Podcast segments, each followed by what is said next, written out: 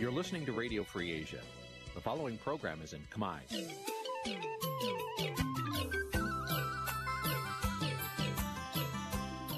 Nǐ chi càm bi tiệp xáy vệt chiu a zì sê ray នេះជាកម្មវិធីផ្សាយរបស់ Vithu Azisari ជាភាសាខ្មែរ វត្តឈូអាស៊ីសេរីសូមស្វាគមន៍លោកអ្នកនាងទាំងអស់ពីរដ្ឋធានី Washington នៃសហរដ្ឋអាមេរិក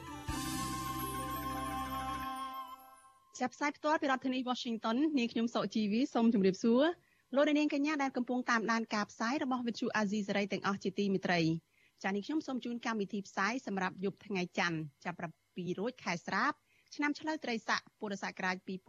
2565ចាប់ត្រូវនឹងថ្ងៃទី30ខែសីហាគ្រិស្តសករាជ2021ចាជាដំបូងនេះសូមអញ្ជើញលោកអ្នកនាងស្ដាប់ព័ត៌មានប្រចាំថ្ងៃដែលមានមេត្តាដូចតទៅ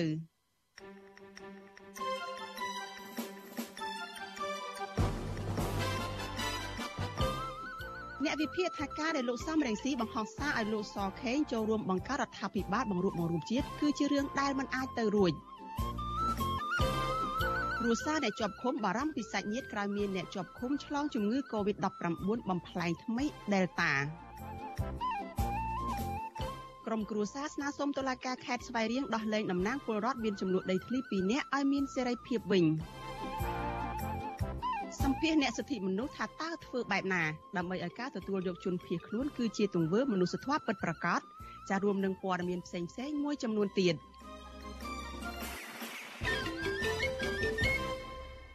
ចាជាបន្តទៅទៀតនេះនាងខ្ញុំសុជីវីសូមជូនព័ត៌មានទាំងនេះពឺស្ដាចលនានាងជាទីមេត្រីអ្នកវិភាគនយោបាយលើកឡើងថាការដែលប្រធានស្ដីទីគណៈបកសង្គ្រោះជាតិគឺលោកសំរងស៊ីបង្ហោះសារផ្ដួចផ្ដើមអារដ្ឋមន្ត្រីក្រសួងមហាផ្ទៃគឺលោកសខេង ចូលរួមបង្កើតរដ្ឋាភិបាលបង្រួបបង្រួមជាតិជាមួយនឹងគណៈបកសង្គ្រោះជាតិនោះថាมันអាចទៅរួចឡើយចាសកម្មជនបកប្រឆាំងឯនោះវិញយល់ថាគំនិតផ្ដួចផ្ដើមនេះគឺជារឿងល្អពីព្រោះលោកសខេងគឺជាមនុស្សកណ្ដាលដែលអាចរួមគ្នាធ្វើការងារដើម្បីជាតិបានចាសសូមស្ដាប់សេចក្តីរាយការណ៍រឿងនេះរបស់លោកមានរិទ្ធដូចតទៅអ្នកវិភាគនយោបាយមើលឃើញថាសាររបស់លោកសំរាសីគ្រាន់តែជាការស្មើស្ម័យ ក៏ប៉ុន្តែសកម្មភាពជាក់ស្ដែងនឹងមិនអាចទៅរួចនោះទេបណ្ឌិតឡាវមង្ហៃប្រាវិសុវស៊ីស្រីនៅថ្ងៃទី30ខែសីហាថារដ្ឋមន្ត្រីក្រសួងមហាផ្ទៃលោកសខេងទំនងជាមិនអាចចូលរួមជាមួយលោកសំរាសីដែលចង់បង្កើតរដ្ឋាភិបាលបង្រួបបង្រួមជាតិនោះទេលោកបញ្ជាក់ថារដ្ឋមន្ត្រីរូបនេះគឺជាបុគ្គលគ្រឹះរឹងមាំរបស់គណៈបកប្រជាជនកម្ពុជា ដែលមានអំណាចអាចរស់នៅមានសេចក្តីសុខគ្រប់គ្រាន់ហើយបន្ថែមពីនេះលោកថារដ្ឋាភិបាលបង្រួបបង្រួមជាតិនោះ ក៏គ្មានយុទ្ធសាស្ត្រនិងសកម្មភាពអ្វីដើម្បីអូសទាញលោកសខេងឲ្យចូលរួមបានដែរ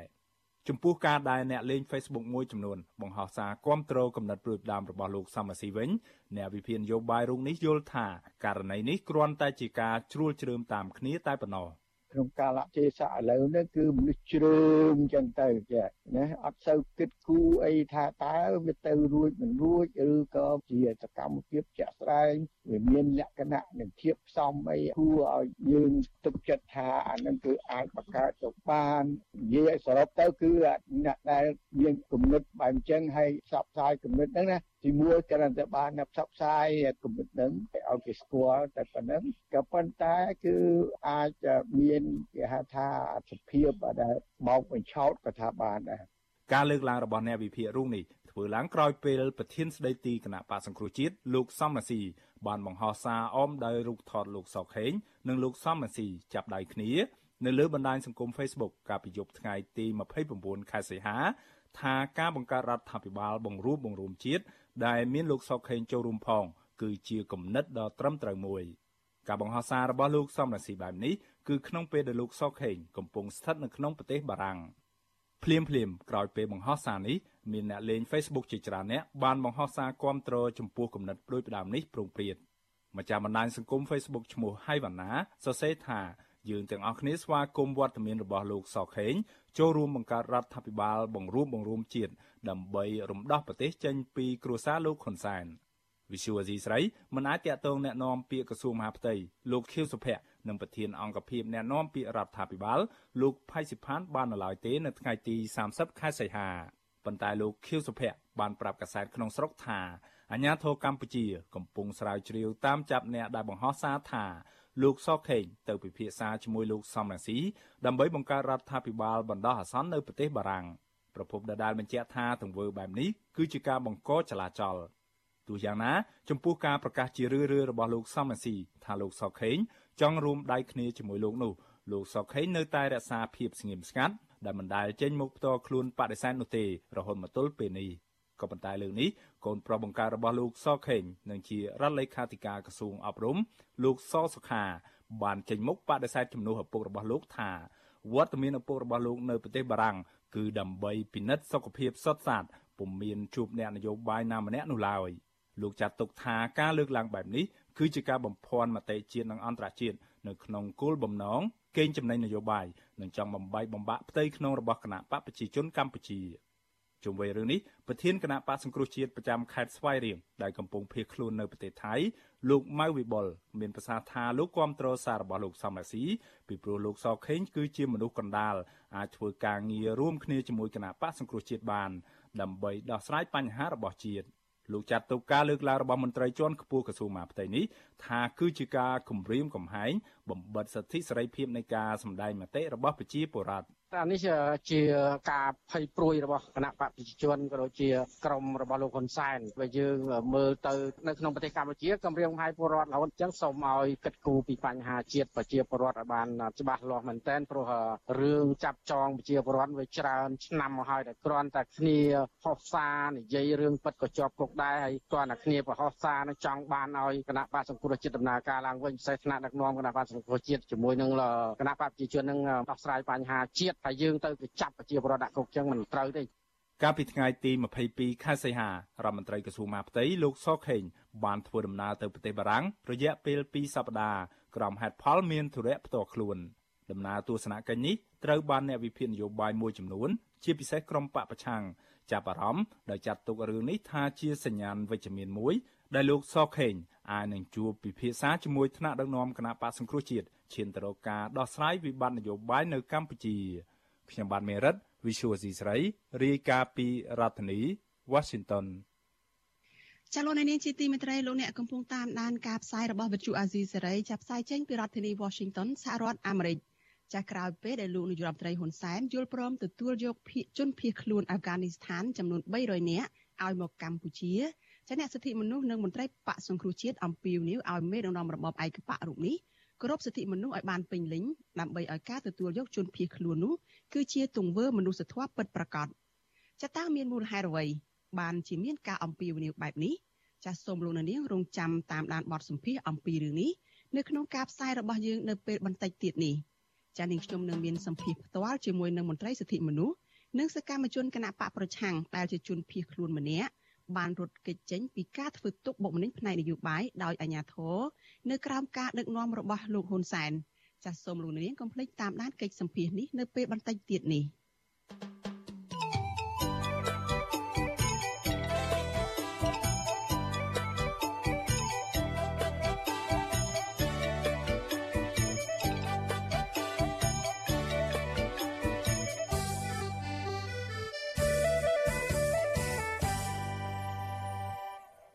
លោកនាងកញ្ញាប្រិមិត្តជាទីមេត្រីចាសេចក្តីរាយការណ៍តកតនឹងការឆ្លងរាលដាលជំងឺ Covid-19 វិញម្ដងចាអ្នកជំងឺ Covid-19 ចំនួន11អ្នកទៀតបានស្លាប់ដែលធ្វើឲ្យករណីស្លាប់ដោយសារជំងឺនេះកើនឡើងដល់ជិត1900អ្នកហើយនៅថ្ងៃទី20នៅថ្ងៃទី30ខែសីហានេះចាចំពោះករណីឆ្លងថ្មីវិញគឺមានជាង400អ្នកក្នុងនោះមាន90អ្នកគឺជាករណីនាំចូលពីក្រៅប្រទេសចានៅថ្ងៃដដែលនេះក្រសួងសុខាភិបាលបានប្រកាសថា មានអ្នកគ្រូពេទ្យព្យាបាលជំងឺ Covid-19 ម្នាក់ដែលបម្រើការនៅមន្ទីរពេទ្យបង្អែកក្នុងខេត្តប្រសិទ្ធអនុបានស្លាប់ដោយសារតែជំងឺ Covid-19 កាលពីយប់ថ្ងៃទី29ខែសីហាម្សិលមិញអ្នកនាំពាក្យក្រសួងសុខាភិបាលគឺអ្នកស្រីយុសម្បត្តិថ្លែងប្រាប់កាសែតក្នុងស្រុកថា អ្នកគ្រូពេទ្យវ័យក្មេងដែលស្លាប់នេះចាគឺមានឈ្មោះថាអឹមស្រីនេះគាត់បានឆ្លងជំងឺ Covid-19 និងបានសម្រាកព្យាបាលនៅក្នុងមន្ទីរពេទ្យខេត្តព្រះសីហនុមួយរយៈ ប៉ុន្តែដោយសារតែស្ថានភាពជំងឺវិវត្តកាន់តែធ្ងន់ធ្ងរទើបគេបញ្ជូនអ្នកគ្រូពេទ្យរូបនោះទៅព្យាបាលនៅជំងឺ Covid-19 នៅឯមជ្ឈមណ្ឌលព្រីមៀសែនសុកគឺបានរយៈពេល2ថ្ងៃក៏ទទួលមរណភាពតែម្ដងអ្នកប្រើប្រាស់បណ្ដាញសង្គម Facebook មួយចំនួនបាននាំគ្នាបង្ហោះសារចូលរួមសោកស្ដាយនិងរំលែកទុក្ខអ្នកគ្រូពេទ្យរូបនេះព្រមព្រៀង ចាត់ដោយឡែកក្រសួងសុខាភិបាលនៅថ្ងៃដដែលនេះបានចេញសេចក្តីប្រកាសព័ត៌មានមួយស្តីពីការអនុញ្ញាតឲ្យមន្ទីរពេទ្យឯកជនដែលមានច្បាប់អនុញ្ញាតអាចមានសិទ្ធិផ្ដល់សេវាថែទាំនិងព្យាបាលអ្នកជំងឺ Covid-19 កម្រិតស្រាលនៅតាមផ្ទះដោយមានការគោរពតាមលក្ខខណ្ឌចាំបាច់មួយចំនួនចាលក្ខខណ្ឌទាំងនោះរួមមានមន្ទីរពេទ្យឯកជនទាំងនោះត្រូវមានគ្រូពេទ្យនិងបុគ្គលិកបានបណ្ដុះបណ្ដាលត្រឹមត្រូវផ្គត់ផ្គង់សេវាថែទាំ និងព្យាបាលអ្នកជំងឺ Covid-19 កម្រិតស្រាលតាមផ្ទះនិងពីក្រុមគ្រូពេទ្យបង្គោលថ្នាក់ជាតិនៃក្រសួងសុខាភិបាលចាំមន្ទីរពេទ្យឯកជនទាំងអស់ត្រូវត្រៀមទុកជាមុននៅក្នុងករណីដែលជំងឺវិវត្តទៅធ្ងន់ធ្ងរក្រៅពីនេះការផ្តល់សេវាថែទាំនិងព្យាបាលតាមផ្ទះនេះក៏ត្រូវសូមការអនុញ្ញាតពីអាជ្ញាធរមូលដ្ឋាននិងក្រសួងសុខាភិបាលជាមុនសិនដែរចាស់គិតត្រឹមព្រឹកថ្ងៃទី30ខែសីហានេះកម្ពុជាមានអ្នកកើតជំងឺ Covid-19 ជាង90000នាក់ ក្នុងនោះមានអ្នកជាសះស្បើយជាង88000នាក់ក្រសួងសុខាភិបាលប្រកាសថាគិតត្រឹមថ្ងៃទី29ខែសីហាម្សិលមិញរដ្ឋាភិបាលចាក់វ៉ាក់សាំងជូនពលរដ្ឋបានជាង9លាននាក់ហើយនៅក្នុងចំណោមអ្នកដែលត្រូវចាក់សរុប10លាននាក់ចំណែកកុមារនិងយុវជនដែលមានអាយុចន្លោះពី12ទៅដល់17ឆ្នាំវិញក្រសួងប្រកាសថាបានចាក់វ៉ាក់សាំងជាង1លាន4សែននាក់នៅក្នុងចំណោមអ្នកដែលត្រូវចាក់សរុបជិត2លាននាក់ រដ្ឋាភិបាលរំពឹងថាយុទ្ធនាការចាក់វ៉ាក់សាំងជុំទី1នេះអាចនឹងបញ្ចប់នៅចុងខែតុលាឬក៏ដើមខែវិច្ឆិកាខាងមុខនេះ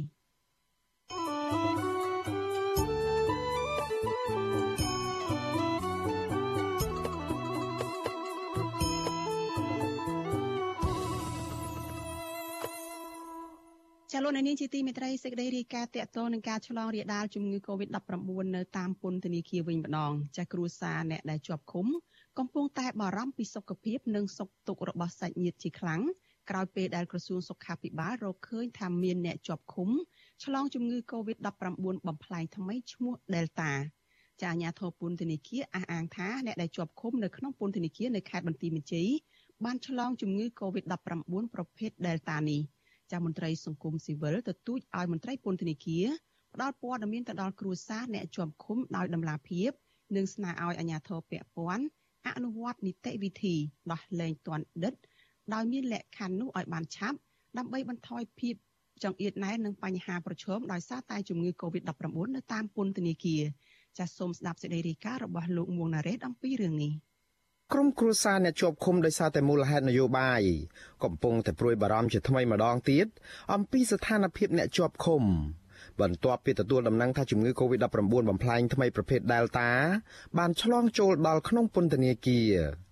ប្រពន្ធរបស់លោកម៉ាក់សំអាន គឺលោកស្រីប៉ុយចាន់លី បានប្រាប់វិទ្យុអាស៊ីសេរីនៅថ្ងៃទី30ខែសីហាថាប្តីលោកស្រី បានជាប់ពន្ធនាគារអស់រយៈពេល8ខែទាំងអយុធធរនិងបានឆ្លងជំងឺ Covid-19 នៅក្នុងពន្ធនាគារនៅមាត់ឃុំខេត្តត្បូងឃ្មុំ លោកស្រីបន្តថាមន្ត្រីពន្ធនាគារមិនអនុញ្ញាតឲ្យប្តីលោកស្រីទូរស័ព្ទមកគ្រួសារនោះទេរហូតមកដល់ពេលនេះដែលធ្វើឲ្យលោកស្រីបារម្ភអំពីសុខភាពនិងសុខទុក្ខរបស់ប្តីដោយខ្លាចមន្ត្រីពន្ធនាគារមិនបានមើលថែនិងព្យាបាលគាត់ដិតដល់លោកស្រីបន្តស្នើឲ្យតុលាការដោះលែងប្តីលោកស្រីវិញព្រោះគាត់មិនបានប្រព្រឹត្តកំហុសដោយការចោទប្រកាន់នោះឡើយ ឮថាគាត់កើតកូវីដនឹងខ្ញុំគឺគេថាទុកអារម្មណ៍ខ្លួនឯងមិនបានផងឃើញថានៅក្នុងនោះគាត់មិនដឹងជាយ៉ាងម៉េចយ៉ាងម៉ាបើយើងដូចថានៅក្រៅទៅយើងស្ទុះស្ទារកពេទ្យរមកអីយ៉ាងហើយនៅក្នុងនោះដេញស្មើណាបានបានគេឲ្យឆ្នាំលេបពជាកុំឲ្យគាត់ក្តៅខ្លួនឬមួយក៏គាត់ឈឺក្បាលធ្ងន់ធ្ងរអីដូចម៉េចតែបារម្ភពីសុខទុក្ខរបស់គាត់ព្រោះអីគាត់មានជំងឺប្រចាំកាយ ស្រដៀងគ្នានេះដែរប្រពន្ធរបស់ពលរដ្ឋរងគ្រោះដីធ្លីដែលកំពុងតែជាប់ពន្ធនាគារនៅឯខេត្តកណ្ដាលលោកកឹមបុរិនគឺលោកស្រីទ្រីស្រីមុំប្រាប់ថាចាប់តាំងពីអាជ្ញាធរខេត្តនេះចាប់ខ្លួនប្តីលោកស្រីដាក់ពន្ធនាគារមកលោកស្រីមិនអាចតាក់ទងឬក៏ទទួលដំណឹងណាមួយពីប្តីនៅឡើយទេដោយបានត្រឹមតែផ្ញើម្ហូបអាហារទៅគាត់តែប៉ុណ្ណោះ។ លោកស្រីព្រួយបារម្ភអំពីសុខភាពរបស់ប្តីលោកស្រីដោយខ្លាចឆ្លងជំងឺ Covid-19 ប្រភេទបំផ្លាញថ្មីនេះជាពិសេសក្រោយពេលទទួលដំណឹងថានៅតាមពន្ធនាគារមានអ្នកទោសឆ្លងជំងឺនេះបច្ចុប្បន្នលោកស្រីត្រូវទទួលបន្ទុកចិញ្ចឹមកូនតូច3នាក់លោកស្រីស្នើទៅតុលាការឲ្យដោះលែងប្តីលោកស្រីឲ្យនៅក្រៅឃុំដើម្បីបង្ការការឆ្លងជំងឺ Covid-19 ផង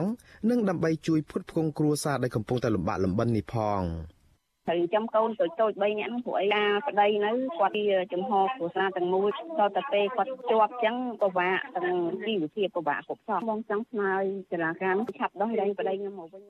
ឆ្លើយតបរឿងនេះ អ្នកនាំពាក្យអគ្គនាយកដ្ឋានពន្ធនាគារនៃក្រសួងមហាផ្ទៃលោកនុតសាវណ្ណា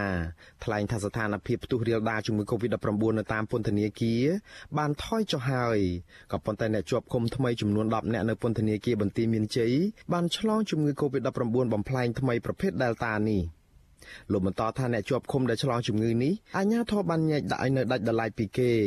ដោយលោកអះអាងថាគ្រូពេទ្យយកចិត្តទុកដាក់ព្យាបាលនិងផ្ដល់ចំណីអាហារ និងបង្កើនការចាក់វ៉ាក់សាំងបង្ការជំងឺនេះជាដើមលោកឲ្យដឹងថាខាងពន្ធនាគារកំពុងតែរៀបចំនីតិវិធីគ្រប់គ្រងនិងដំឡើងប្រព័ន្ធទូរស័ព្ទចល័តបានចំនួន3ទីតាំងទៅហើយគឺនៅពន្ធនាគាររាជធានីភ្នំពេញមណ្ឌលអប់រំកែប្រែទី1និងទី2នឹងក្រុងបន្តធ្វើដូច្នេះនៅតាមពន្ធនាគារខេត្តផ្សេងៗទៀត។ យើងក៏មិនធ្វើប្រហែសក្នុងការទប់ស្កាត់កូវីដបំលែងថ្មីនេះដែរដោយសារតែមានប្រភេទបំលែងនេះហើយដែលធ្វើឲ្យអាជ្ញាធរពុទ្ធនេះជាយើងមានការលំបាកក្នុងការសម្របសម្រួលឲ្យជីវភាពជនជាប់ឃុំនឹងគាត់បានមានតំណែងតំណងអីទៅខាងក្រៅជាមួយសាច់ញាតិគាត់នឹងឡើងវិញជុំវិញរឿងនេះនាយករងទទួលបន្ទុកផ្នែកសិទ្ធិមនុស្សនៃអង្គការលីកាដូលោកអំសំអាតមានប្រសាសន៍ថាការផ្ដាល់ព័ត៌មានមិនច្បាស់លាស់អំពីសំណាក់អាជ្ញាធរពន្ធនាគារបានធ្វើឲ្យសាច់ញាតិអ្នកជាប់ឃុំខ្វល់ខ្វាយបន្ថែមទៀត។ លោកយល់ថាការផ្ដល់ដំណឹងឬក៏ទំនាក់ទំនងឲ្យគ្រួសារពួកគាត់ដឹងពីស្ថានភាពជំងឺ Covid-19 នេះមិនប៉ះពាល់ដល់សន្តិសុខនៅក្នុងពន្ធនាគារទេ មន្ត្រីសង្គមស៊ីវិលរូបនេះយល់ថាក្រសួងយុតិធម៌មិនគួរបន្តអូសបន្លាយរឿងសម្រាប់ដោះស្រាយបញ្ហានៅក្នុងស្ថានភាពឆ្លងរីករាលដាលនៃជំងឺ Covid-19 បែបនេះតទៅទៀតនោះទេលោកទទូចដល់អាជ្ញាធរពាក់ព័ន្ធពន្យាការអនុវត្តនីតិវិធីដោះលែងទាន់ដិតដោយមានលក្ខខណ្ឌព្រមទាំងដោះលែងអ្នកជាប់ឃុំកម្រិតទោសស្រាលស្រាលនិងអ្នកជាប់ឃុំបណ្ដោះអាសន្នដើម្បីកាត់បន្ថយបញ្ហាចង្អៀតណែននិងហានិភ័យនៃការឆ្លងជំងឺ Covid-19 ចូលក្នុងពន្ធនាគារនេះ កូវីដបំលែងថ្មីនេះគឺវាលឿនជាងកូវីដមុនអញ្ចឹងកាលណាបើជ្រៀតចូលទៅពន្ធនាគារការឆ្លងគឺវាលឿនអាហ្នឹងគឺជាការបារម្ភរបស់ក្រុមគ្រួសារក៏ដូចជាយើងដែលជាអង្គការសង្គមស៊ីវិលដែលធ្វើការផ្នែកសិទ្ធិមនុស្សខ្ញុំគិតថាបើសិនជាព័ត៌មានតម្លាភាពវាក៏អាចជួយសម្រាប់ខាងពន្ធនាគារនឹងផងដែរតកតងជាមួយនឹងមានសប្បុរសជនឬក៏អង្គការជាតិអន្តរជាតិណាដែលគេចង់ជួយពាក់ព័ន្ធអាចជួយគ្នាបានគឺជួយទៅអាហ្នឹងវាជារឿងល្អមួយដែរក្នុងការចូលរួមគ្នាទប់ស្កាត់ការរីករាលដាល COVID-19 9ហ្នឹង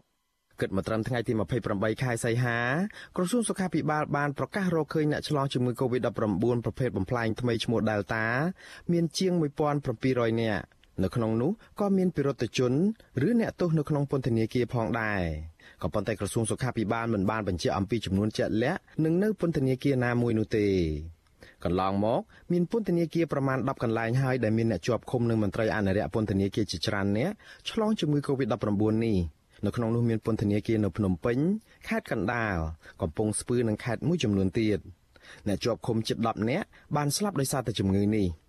ចំណែកឯតួលេខអ្នកជាប់ឃុំដែលឆ្លងជំងឺ Covid-19 សរុបវិញអាជ្ញាធរពន្ធនាគារមិនបានឲ្យដឹងជាក់លាក់នោះទេដោយបញ្ជាក់ត្រឹមថាមានចន្លោះពី10%ទៅ20%នៃអ្នកជាប់ឃុំនៅតាមកន្លែងនីមួយៗដែលបានឆ្លងជំងឺនេះ។ គិតមកត្រឹមថ្ងៃទី30ខែសីហាសកម្មជននយោបាយសកម្មជនបរិស្ថាន សិទ្ធិមនុស្សនិងសង្គមជាង80នាក់ហើយកំពុងជាប់ឃុំកម្ពុជាមានអ្នកជាប់ឃុំសរុបនៅទូទាំងប្រទេសជិត40000នាក់ខ្ញុំបាទមួងណារ៉េត With you Azizari ប្រធានាធិបតី Washington ចាលោកនាងជាទីមេត្រីតកតនឹងការទីមទីឲ្យមានការដោះលែងអ្នកជាប់ឃុំនេះដែរ ចាក្រុមអង្គការសង្គមស៊ីវិលនិងបណ្ដាញពលរដ្ឋបន្តយុទ្ធនាការទីទីឲ្យដោះលែងសកម្មជននិងអ្នកការពារសិទ្ធិមនុស្សចូលទៅដល់សប្តាហ៍ទី4ហើយដោយនៅតែបន្តទីទីឲ្យតុលាការដោះលែងប្រធានសហភាពការងារកម្ពុជាលោករងឈុននិងក្រុមយុវជន7នាក់ទៀតនៃក្រុមខ្មែរថាវរៈនិងសមាជិកនៃសមាគមសម្ព័ន្ធនិស្សិតបញ្ញវន្តខ្មែរចាសសាច់ញាតិរបស់អ្នកជាប់ឃុំគាំទ្រយុទ្ធនាការនេះនឹងទទូចឲ្យសមត្ថកិច្ចដោះលែងអ្នកទាំង8នាក់នេះឲ្យមានសេរីភាពមកវិញ។ ចាសសូមស្ដាប់សេចក្តីរាយការណ៍របស់លោកជាតិចំណានអំពីរឿងនេះនៅសប្តាហ៍ទី4នេះក្រមសង្គមស៊ីវិលបានបន្តលើកឡើងអំពីការចាប់ខ្លួនលោករងឈុននិងសកម្មជនសង្គម7នាក់ដោយការពីសប្តាហ៍ទី2ដែរក្រុមអង្គការសង្គមស៊ីវិលបានចាត់ទុកថាសកម្មភាពរបស់សកម្មជនទាំង8នាក់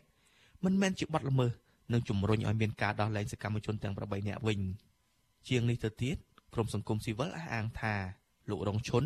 គឺជាមេដឹកនាំសហជីពម្នាក់ ក្នុងចំណោមសហជីពដទៃទៀតដែលតែងតែឈរជួរមុខក្នុងការលើកឡើងជាសាធារណៈអំពីបញ្ហាសិទ្ធិនិងផលប្រយោជន៍របស់គ្រូបង្រៀនក្រោយពេលលោករងឈុនត្រូវចាប់ខ្លួនមានក្រុមយុវជនខ្មែរថាវរៈនិងសមាគមសម្ព័ន្ធនិស្សិតបញ្ញវន្តខ្មែរបានតវ៉ាដោយអហិង្សាប្រឆាំងនឹងការចាប់ខ្លួននេះប៉ុន្តែពួកគេទាំង7នាក់ក៏រងការបង្ក្រាបនិងការចាប់ខ្លួនជាបន្តបន្ទាប់កាលពីខែសីហានិងខែកញ្ញាឆ្នាំ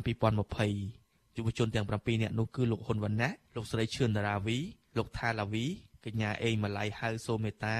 លោកមានព្រំមនី លោកមួងសុភ័ក្រនិងប្រដេជគុណកើតសារាយសមត្ថកិច្ចបានឃុំខ្លួនពួកគាត់បណ្ដោះអាសន្នក្នុងពន្ធនាគារមួយឆ្នាំហើយក្រោមបទចោទញុះញង់ឲ្យមានភាពវឹកវរធ្ងន់ធ្ងរដល់សង្គមក្រុមអង្គការសង្គមស៊ីវិលព្រួយបារម្ភថាប្រសិនបើតុលាការផ្តន្ទាទោសដាក់ពន្ធនាគារលើសកម្មជនទាំងអស់តើអ្នកណានឹងបន្តសកម្មភាពនិយមរបស់ពួកគាត់ដើម្បីសិទ្ធិផលប្រយោជន៍គ្រូបង្រៀននិងបញ្ហាសង្គមតទៅទៀត សង្គមស៊ីវិលក៏បន្តស្នើសុំឲ្យពលរដ្ឋចូលរួមចែករំលែករូបភាពរបស់សកម្មជនទាំង8នាក់ដើម្បីគ្រប់គ្រងនិងលើកទឹកចិត្តដល់សកម្មភាពដែលជាប្រយោជន៍របស់ពលរដ្ឋនិងសង្គមកម្ពុជាអ្នកគ្រប់គ្រងកម្មវិធីសិទ្ធិការងារនៃមជ្ឈមណ្ឌលសម្ព័ន្ធភាពការងារនិងសិទ្ធិមនុស្សហៅកាត់ថាសង្ត្រាល់លោកខុនតារ៉ូបញ្ជាក់ថាក្រមសង្គមស៊ីវិលរក្សាចំហទៀមទាឲ្យដោះលែងសកម្មជន និងអ្នកការពារសិទ្ធិមនុស្សលុះត្រាតែមានដំណោះស្រាយ តំណាងសង្គមស៊ីវិលរូបនេះលើកទឹកចិត្តឲ្យសមត្ថកិច្ចដោះលែងសកម្មជននិងអ្នកការពារសិទ្ធិមនុស្សទាំងអស់ឲ្យមានសេរីភាពឡើងវិញដើម្បីឲ្យពួកគាត់អាចបន្តសកម្មភាពជួយសង្គមបន្តទៀតបាន។ ការអំពាវនាវជំរុញទៅរាជរដ្ឋាភិបាលដើម្បីមានការដោះលែងជាបន្ទាន់នឹងទម្លាក់ការចោទកាន់ហើយដើម្បីពួកគាត់នឹងអាចមានលទ្ធភាពនៅក្នុងការអនុវត្តនៅការងារដែលគាត់រាប់បានបំពេញហើយនឹងបន្តនៅការងារដែលគាត់បានអនុវត្តដើម្បីលើកទឹកចិត្តជំរុញឲ្យយុវជននិងសកម្មជនផ្សេងៗទៀតគាត់អាចចូលរួមឲ្យបានទូលំទូលាយប៉ុន្តែភាគីរដ្ឋាភិបាលមិនចាប់អារម្មណ៍នឹងយុទ្ធនាការឬការទាមទារអំពីបញ្ហាសិទ្ធិមនុស្សទាំងឡាយនៅកម្ពុជាឡើយដោយអះអាងថាជាសមត្ថកិច្ចរបស់តុលាការ អ្នកនាំពាក្យនឹងជាសមាជិកគណៈកម្មាធិការសិទ្ធិមនុស្សកម្ពុជាលោកកតាអនសង្កេតឃើញថាយុទ្ធនាការរយៈពេល4សប្តាហ៍នេះមិនបានផ្ដល់ផលប្រយោជន៍ដល់អ្នកជាប់ឃុំនោះទេដំណើររដ្ឋាភិបាលរុំនេះអះអាងថាពលរដ្ឋជាច្រើនសុទ្ធតែអាចធ្វើសកម្មភាពដោយសេរីកុំឲ្យតែមានចេតនាល្មើសច្បាប់មិនមែនចាំបាច់តែក្រុមសកម្មជនទាំង8នាក់នោះទេ ដោយអង្គការសង្គមស៊ីវិលពិនិត្យមើលផងណាថាតើ4សប្តាហ៍មកនេះអ្វីដែលគាត់បានធ្វើវាបានផលប្រយោជន៍អ្វីខ្លះដល់អ្នកដែលកំពុងក្នុងដំណើរការតុលាការនោះឬមួយក៏វាបានប្រយោជន៍ទៅលើអង្គការនឹងទៅវិញអញ្ចឹងសូមពិនិត្យពិចារណាហ្នឹងឲ្យបានច្បាស់ថាតើយើងធ្វើដើម្បីអ្នកដែលស្ថិតនៅក្នុងចំណាត់ការតុលាការឬមួយក៏យើងធ្វើនៅក្នុងកម្មវិធីផ្សេងដើម្បីប្រយោជន៍អង្គការខ្លួនដើម្បីបញ្ហាឬមួយប្រយោជន៍របស់អ្នកណាផ្សេងទោះជាយ៉ាងណាសាច់ញាតិរបស់ក្រុមសកម្មជនសង្គម បានគ្រប់គ្រងយុទ្ធនាការនេះនិងទទូចឲ្យមានការដោះលែងកូនចៅរបស់ពួកគាត់មកវិញម្ដាយរបស់សកម្មជនសង្គមលោកស្រីឈឿនតារាវីគឺលោកស្រីថាច់ធីតាអាងថាកូនរបស់លោកស្រីនិងយុវជនដទៃទៀតគ្មានបំណងញុះញង់អ្វីឡើយលោកស្រីគ្រប់គ្រងចំពោះយុទ្ធនាការរបស់សង្គមស៊ីវិលនិងស្នើសុំឲ្យសមត្ថកិច្ចដោះលែងយុវជនទាំងអស់ឲ្យមានសេរីភាពឡើងវិញ។ សំណូមពរទៅទទួលសូមឲ្យតុលាការនឹងគាត់សាររើក្តីហ្នឹងហើយផ្ដល់នៅយុទ្ធធរឲ្យកូនខ្ញុំក៏ដូចជាក្រុមយុវជនដែលគាត់គ្រាន់តែជាអ្នកការពារការបញ្ចេញមតិដើម្បីឲ្យមានយុទ្ធធរក្នុងសង្គមចាសូមឲ្យជួយដោះស្រាយធ្វើម៉េចគាត់បាននៅក្រៅឃុំអញ្ចឹងណាជុំវិញសំណុំរឿងសកម្មជនសង្គមទាំង7នាក់នេះសាលាដំបងរាជធានីភ្នំពេញនឹងបើកសវនាការពួកគេទាំងអស់គ្នានៅថ្ងៃអង្គារទី31ខែសីហា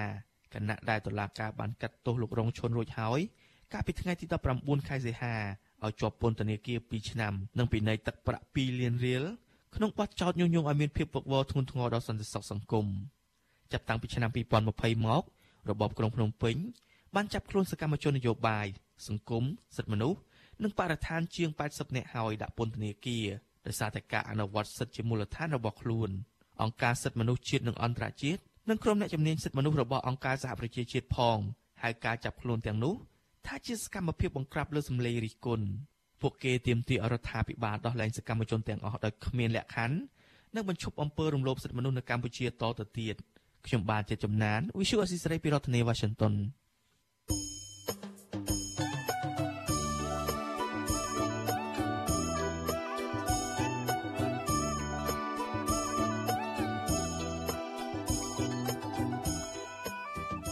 ចាលោកនាងកញ្ញាជាទីមេត្រីចានៅក្នុងឱកាសនេះដែរចានាងខ្ញុំសូមថ្លែងអំណរគុណលោកនាងដែលតែងតែមានភក្ដីភាពចំពោះការផ្សាយរបស់យើងនិងចាត់ទុកការស្ដាប់វិទ្យុអាស៊ីសេរីគឺជាសកម្មភាពប្រចាំថ្ងៃរបស់លោកអ្នកនាងចាការគ្រប់គ្រងរបស់លោកអ្នកនាងនេះហើយដែលធ្វើឲ្យយើងខ្ញុំមានទឹកចិត្តកាន់តែខ្លាំងថែមទៀតក្នុងការស្វែងរកព័ត៌មាននិងផ្តល់ព័ត៌មានជូនលោកអ្នកនាងចាំមានអ្នកស្ដាប់មានអ្នកទស្សនាកាន់តែច្រើនកាន់តែធ្វើឲ្យយើងខ្ញុំមានភាពស្វាហាប់មោះមុតជាបន្តទៅទៀត ចាស់យើងខ្ញុំសូមអរគុណទុកជាមុនហើយសូមអញ្ជើញលោកអ្នកនាងចូលរួមជំរុញសកម្មភាពផ្តល់ព័ត៌មានរបស់យើងនេះឲ្យកាន់តែជោគជ័យបន្ថែមទៀតចាលោកអ្នកនាងអាចជួយយើងខ្ញុំបានដោយគ្រាន់តែចុចចែករំលែកឬ share ការផ្សាយរបស់យើងនៅតាមបណ្ដាញសង្គម Facebook និង YouTube ទៅកាន់មិត្តភ័ក្តិរបស់លោកអ្នកនាងចាដើម្បីឲ្យការផ្សាយរបស់យើងនេះបានទៅដល់មនុស្សកាន់តែច្រើន។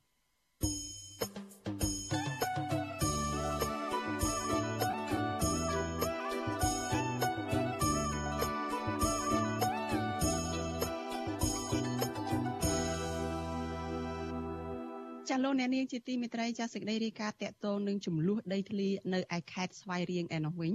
ចាពលរដ្ឋពីគ្រួសារដែលមានទំនាស់ដីធ្លីជាមួយនឹងក្រសួងធនធានទឹកស្នើសុំឲ្យតុលាការនៅក្នុងខេត្តស្វាយរៀងនេះទម្លាក់ចោលការចោទប្រកាន់និងដោះលែងភរិយារបស់ពួកគាត់មកវិញការស្នើសុំនេះគឺធ្វើឡើងក្រោយដែលចៅក្រមស៊ើបអង្កេតសម្រាប់ឃុំខ្លួនតំណាងពលរដ្ឋ2នាក់ដែលថាបានល្មើសនឹងច្បាប់ទប់ស្កាត់ការឆ្លងរាតត្បាតរាតត្បាតជំងឺ Covid-19 ហើយ ទៅតាមកំណត់ហេតុរបស់ស្នងការខេត្តស្វាយរៀង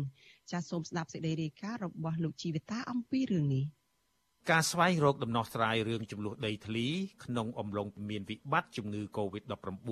នៅឃុំឈើទាលស្រុកស្វាយជ្រុំខេត្តស្វាយរៀងបានឈានទៅដល់ការចាប់និងឃុំខ្លួនតំណាងសហគមន៍ជែកមាស2នាក់ដាក់ពន្ធនាគារ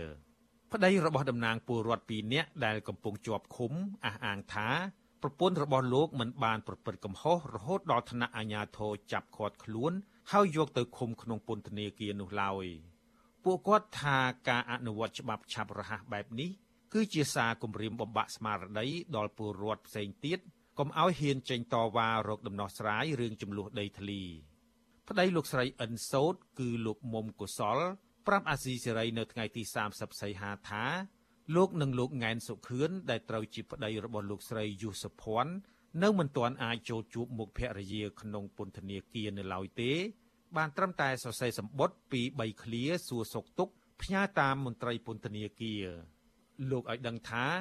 មុនឈានដល់ការចាប់ឃុំខ្លួននេះលោកស្រីអិនសូតជាប់ធ្វើចតាល័យស័កនៅផ្ទះអស់រយៈពេល21ថ្ងៃ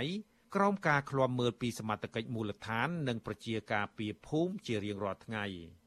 លោករៀបរាប់ទៀតថាលុះដល់ថ្ងៃទី25សីហា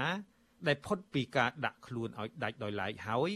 ភរិយារបស់លោកបានចេញទៅលេងផ្ទះបងប្អូននៅក្បែរនោះចម្ងាយជាង100ម៉ែត្រហើយរំលងបានមួយថ្ងៃក៏មានការកោះហៅពីខាងស្នងការខេត្តឲ្យចូលខ្លួន បំភ្លឺរឿងផ្ទាល់ខ្លួននៅថ្ងៃទី27សីហាលោកបន្តទៀតថាខាងគ្រួសារកំពុងស្វះស្វែងរកខ្ចីប្រាក់ពីធនាគារ ដើម្បីត្រៀមបង់ប្រាក់ផាកពិន័យ2លានរៀលនៅសាលាខេត្តស្វាយរៀងនៅថ្ងៃទី30សីហាប៉ុន្តែបែរជាអាជ្ញាធរក៏ហៅភរិយារបស់លោកទៅសាកសួរហើយសាងសំណុំរឿងបញ្ជូនទៅតុលាការតែម្ដង លោកបញ្ជាក់ថាជីវភាពរស់នៅសពថ្ងៃនេះលោកមិនដឹងថាត្រូវរំពឹងលើការងារអ្វីទេបើដីសម្រាប់ធ្វើស្រែក៏ត្រូវរត់រឹបអូសយកហើយប្រពន្ធត្រូវបានអាជ្ញាធរចាប់ដាក់ពន្ធនាគារថែមទៀត។ លោកស្នើសុំតុលាការទម្លាក់ចោលបទចោទនិងដោះលែងតំណាងពលរដ្ឋទាំងពីរឲ្យមកជួបជុំក្រុមគ្រួសារវិញ ដើម្បីស្វែងរកប្រាក់ចិញ្ចឹមម្ដាយឪពុកដែលមានវ័យចាស់ជរា គាត់មិនស្រុកមកប៉ុណ្ណឹងគាត់ថាពួកខ្ញុំហើយមិត្តភក្តិគាត់ហ្នឹងយុទ្ធភ័ណ្ឌហ្នឹងថា4លានរៀលពីអ្នកហ្នឹងពួកខ្ញុំវិញក៏ព្រមដែរតែគាត់ថាគាត់ថាចាំដល់ថ្ងៃ27ត្រូវយកមកបង់ឲ្យពីនៃហ្នឹងគ្រូពេលហើយទទួលថ្ងៃ27ហ្នឹងចំមួយថ្ងៃគេមកហៅសួរនឹងដែរគ្រូខ្ញុំសុំពេលនេះទៅដូចថាសាលាការក៏ដោយញ៉ាធរក៏ដោយសុំឲ្យលែងប្រពន្ធខ្ញុំហើយមិត្តភក្តិគាត់ហ្នឹង វិញទៅព្រោះអីគាត់អត់មានខុសអីហ្នឹងលោកគ្រូហើយជួបជុំប្រពន្ធកូនអបែកគ្នាអញ្ចឹងដូចថាម្នាក់ម្នាក់ដូចស្ងេះស្ងោចហ្នឹងគ្រូប្តីប្រពន្ធកូនអញ្ចឹងបែកគ្នាអញ្ចឹងដូចថាសំណោះសំណោកស្រដៀងគ្នានេះដែរប្តីលោកស្រីយូសុភ័ណ្ឌគឺលោកវ៉ែនសុខឿនហៅការឃុំខ្លួននេះថាជារឿងអយុត្តិធម៌ចំពោះពលរដ្ឋក្រីក្រ ដែលគ្រាន់តែចេញតវ៉ារកដំណោះស្រាយដីធ្លីលោកស្នើសុំតុលាការដោះលែងអ្នកទាំងពីរឲ្យមានសេរីភាពឡើងវិញ ព្រោះពួកគាត់មិនបានប្រព្រឹត្តកំហុសដោយការចោទប្រកាន់នោះទេពេលដែលគាត់ធ្វើចឹងគាត់ចាប់ខំទៅហើយពួកខ្ញុំនេះដូចជាមិនអស់ចិត្តទេហើយមិនមានអីត្រូវខុសគាត់ថាជាងតវ៉ាតែរឿងដីយើងទៅថោកពេកមិនឲ្យឲ្យក្នុងកំណែថោកពេកគាត់ថាស្ដារហ្នឹងយើងយើងខ្ញុំអាចជួយយកបានពួកដីតាំងពីគេដូនតាមកអញ្ចឹងគឺថាបើគាត់ព្រមដោះលែង ពួកគាត់ទាំងពីរពួកខ្ញុំនឹងបាទខ្ញុំក្រុមបងអង្គការផាកវិន័យហ្នឹងគាត់ថាធ្វើម៉េចឲ្យតែពួកគាត់នឹងចេញរួចមកមានសេរីភាពនៅខាងក្រៅវិញកាលពីថ្ងៃទី27សីហាសាលាដំបងខេត្តស្វាយរៀងសម្រេចឃុំខ្លួនតំណាងសហគមន៍ជែកមាស2នាក់គឺលោកស្រីអិនសោតនិងលោកស្រីយុសភ័ណ្ឌដាក់ពន្ធនាគារបណ្ដោះអាសន្នក្រោមបទចោទតាមមាត្រា10និង11នៃច្បាប់ស្តីពីវិធានការទប់ស្កាត់ការឆ្លងរាលដាលជំងឺ Covid-19 ដោយសារមិនបានគោរពតាមវិធានការរដ្ឋបាលខេត្តដែលបានដាក់ចេញមេត្រា10នៃច្បាប់នេះចែងថាអំពើដោយចេតនាមិនគោរពវិធានការរដ្ឋបាលដែលបានដាក់ចេញស្របច្បាប់ត្រូវពិន័យជាប្រាក់1លានរៀលទៅ5លានរៀលកាលបើអំពើនេះបណ្ដាលឲ្យមានការចម្លងជំងឺ Covid-19 ដល់អ្នកដទៃត្រូវផ្ដន្ទាទោសដាក់ពន្ធនាគារពី6ខែទៅ3ឆ្នាំ និងពិន័យជាប្រាក់ពី2លានរៀលទៅ10លានរៀល អាស៊ីសេរីមិនអាចសុំការឆ្លើយតបរឿងនេះពីអ្នកនាំពាក្យសាលាដំបងខេត្តស្វាយរៀងលោកទេពផល្លា និងលោកផាន់រតនាបានទេដោយហៅទូរស័ព្ទចូលតែពុំមានអ្នកទទួលតាក់ទងនឹងរឿងនេះនាយករងទទួលបន្ទុកផ្នែកឃ្លាំមើលសិទ្ធិមនុស្សនៃអង្គការលីកាដូលោកអំសំអាតឲ្យដឹងថា ខាងមេធាវីអង្គការលីកាដូបានដាក់ពាក្យចូលតុលាការខេត្តស្វាយរៀងនៅថ្ងៃទី30សីហា ដើម្បីស្នើសុំការពីរឿងក្តីជូនតំណាងពលរដ្ឋទាំងពីរនាក់រួចរាល់ហើយលោកបន្តថាខាងមេធាវីនឹងស្នើសុំជួបកូនក្តីនៅពន្ធនាគារនិងរៀបចំឯកសារដាក់ជូនតុលាការដើម្បីសុំឲ្យនៅក្រៅឃុំបណ្ដោះអាសន្នតាមនីតិវិធីលោកថាករណីចាប់ខ្លួនតំណាងពលរដ្ឋនេះមូលហេតុដំបូងគឺចាប់ផ្ដើមចេញពីការតវ៉ារបស់ពលរដ្ឋដែលស្នើសុំអាជ្ញាធរឲ្យដោះស្រាយបញ្ចប់ចំនួនដីធ្លីដែលអូសបន្លាយជាច្រើនឆ្នាំមកហើយ លោកចាត់ទុកការចាប់និងឃុំខ្លួនពលរដ្ឋដោយយកហេតុផលល្មើសនឹងច្បាប់កូវីដនេះថាជាការគំរាមកំហែងនិងបំបាក់ស្មារតីពលរដ្ឋដែលហ៊ានចេញមុខតវ៉ារោគដំណោះស្រាយចំនួនដីធ្លីលោកអំសំអាតស្នើឲ្យតុលាការដោះលែងតំណាងសហគមន៍ទាំងពីរនោះហើយបន្តដោះស្រាយបញ្ហាដីធ្លីជូនពលរដ្ឋដោយសន្តិវិធីខ្ញុំគិតថាជាដំណោះស្រាយចុងក្រោយរឿងនេះយើងគួរតែងាកទៅដោះរឿងស្រាបញ្ហាដីធ្លីហ្នឹង ចប់ទៅគឺខ្ញុំគិតថាបើយើងដោះបញ្ហាដីធ្លីចប់រឿងអ្វីអ្វីក៏ចប់ទៀតដែរព្រោះរឿងរបស់គាត់ត្រូវបានដោះស្រាយហើយគ្មានទេការតវ៉ាទេគ្មានទេការទៀមទាដែលធ្វើឲ្យប៉ះពាល់ទៅដល់រឿងច្បាប់កូវីដឬក៏ការជួបជុំដែលខុសនឹងបំរាមអីគឺវាអត់មានតាក់ទងទៅដល់នឹងទេបើយើងព្យាយាមដោះស្រាយបញ្ហាដីធ្លីបាទទំនាស់ដីធ្លីនេះកើតឡើងដោយសារការមិនត្រូវរូវគ្នារវាងពលរដ្ឋនិងអាជ្ញាធរ ជុំវិញសំណងលើគម្រោងសាងសង់អាងទឹកពលរដ្ឋជាង100គ្រួសារដែលរស់នៅអាស្រ័យផលធ្វើស្រែលើដីសរុបជាង100ហិកតា តាំងពីឆ្នាំ1979នោះបានស្នើសុំអាជ្ញាធរខេត្តស្វាយរៀងនិងក្រសួងធនធានទឹកបដូរគោលនយោបាយផ្ដល់សំណងឲ្យពលរដ្ឋពី900រៀលក្នុង1ម៉ែត្រការ៉េទៅ12000រៀលឬ3ដុល្លារក្នុង1ម៉ែត្រការ៉េ ប៉ុន្តែអាជ្ញាធរមិនយល់ព្រមតាមសំណើរបស់ប្រជាពលរដ្ឋនោះឡើយក្រមប្រជាពលរដ្ឋមានចំនួនដីធ្លី ស្នើឲ្យតុលាការដោះលែងតំណាងពួកគាត់ត្រឡប់មកផ្ទះវិញនិងទទូចឲ្យអាជ្ញាធរខេត្តស្វាយរៀងរកដំណោះស្រាយទំនាស់ដីធ្លីនេះដោយសន្តិវិធីស្របតាមច្បាប់ខ្ញុំជីវិតាអាស៊ីសេរី ចាលោកនាងជាទីមេត្រីចាតកតនៅរឿងនេះនេះខ្ញុំមានសម្ភារផ្ទាល់មួយជាមួយនឹងប្តីរបស់អ្នកដែលជាប់ឃុំម្នាក់គឺលោកស្រីអិនសូតចាលោកមានឈ្មោះថាលោកមុំកុសលចាលោកចូលមកជជែកនៅក្នុងកម្មវិធីរបស់យើងនេះតាមប្រព័ន្ធទូរស័ព្ទចាជំរាបសួរលោកមុំកុសលពីចម្ងាយចាបាទជំរាបសួរអ្នកគ្រូចា លោកកសលរឿងរ៉ាវនេះស្ដាប់ទៅដូចជាមានបញ្ហាចំនួនដីធ្លីរ៉ាំរ៉ៃអស់បន្លាយមកនឹងយូរឆ្នាំហើយជាមួយនឹងខាងក្រសួងធនធានទឹកទៅទេប៉ុន្តែហេតុអ្វីមកដល់ពេលនេះក៏មានករណីចាប់ខ្លួនប្រពន្ធរបស់លោកនិងស្ត្រីម្នាក់ទៀតនឹងពីរឿងថាបានល្មើសបំរាមរបស់ក្រសួងសុខាភិបាលរឿងជំងឺ Covid-19 អីតើរឿងរ៉ាវនឹងយ៉ាងម៉េចលោកអាចសង្ខេបខ្លីបន្តិចបានទេថាមកពីមូលហេតុអីឲ្យពិតប្រាកដទៅចារឿងហ្នឹង រឿងមុនដំបូងរឿងអឺគឺថតនៅវាលនេះគ្រូថតនៅវាលនៅនៅវាកន្លែងស្រែដីទំនាស់ហ្នឹងនេះគ្រូចាបាទពេលហើយគាត់ប្រហោះប្រហោះរូបគាត់ខ្លះស្រោកម៉ាស់ខ្លះអត់ស្រោកចឹងនេះគ្រូពេលហើយខាងអាជ្ញាធរគាត់គាត់ហៅទៅអឺហៅទៅពិនិត្យទាំងអស់ពួកអីថាឥឡូវគាត់មិនឲ្យជុំគ្នាតាម ក្រសួងសុខាភិបាលណាគ្រូចាពេលបាទ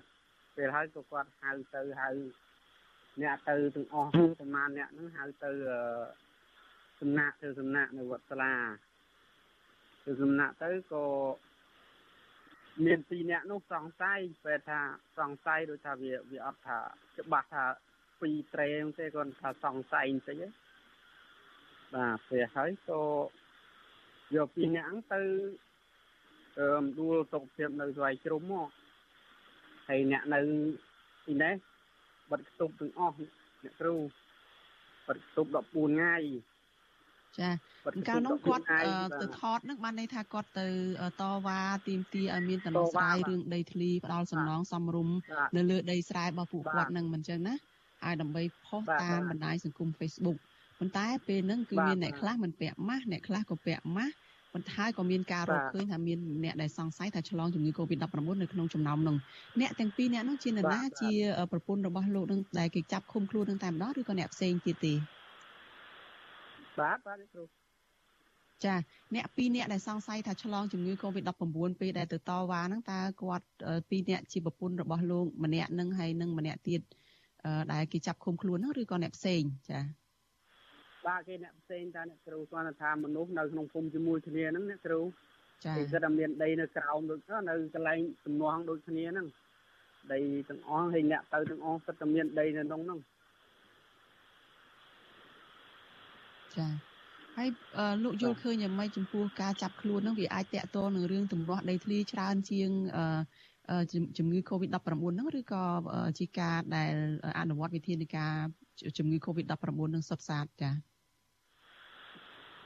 តាមតាមថាពួកអីរឿងទាំងអស់វាបណ្ដាមកពីដីដែរណាគ្រូយើងទៅធ្វើដីទៅទៅធ្វើកន្លែងដីមានចំនួនហ្នឹងទៅវាទៅជាកើតជាបញ្ហាចឹងណាគ្រូចាបាទគុំតែយើងទៅធ្វើកន្លែងរឿងដីរបស់យើងហ្នឹងក៏វាអត់មានកើតរឿងចឹងដែរប៉ុន្តែពេលមកធ្វើកំពុងតែកូវីដដែរពេលហើយគាត់មកធ្វើពេលហើយយើងត្រូវការទៅ ចង់ថតចង់អីបង្ហាញយើងវាអាចទៅជាខុសទៅទៅ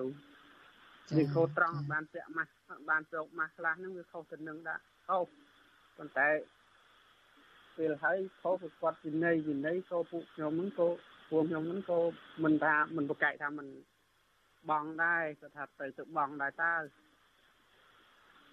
ព្រោះថ្ងៃថាថ្ងៃទៅបងហ្នឹងទទួលខាងខ្នងកាងគាត់ក៏ហៅ ក៏ហៅទៅសួរពីហេតុការពីហេតុការទៅអពំភ្លឺហេតុការហ្នឹងពេលហើយទៅថ្ងៃ27ហ្នឹងទៅហ្នឹងចូលចាប់ពីគាត់ចូលទៅម៉ោង8ជាងហ្នឹង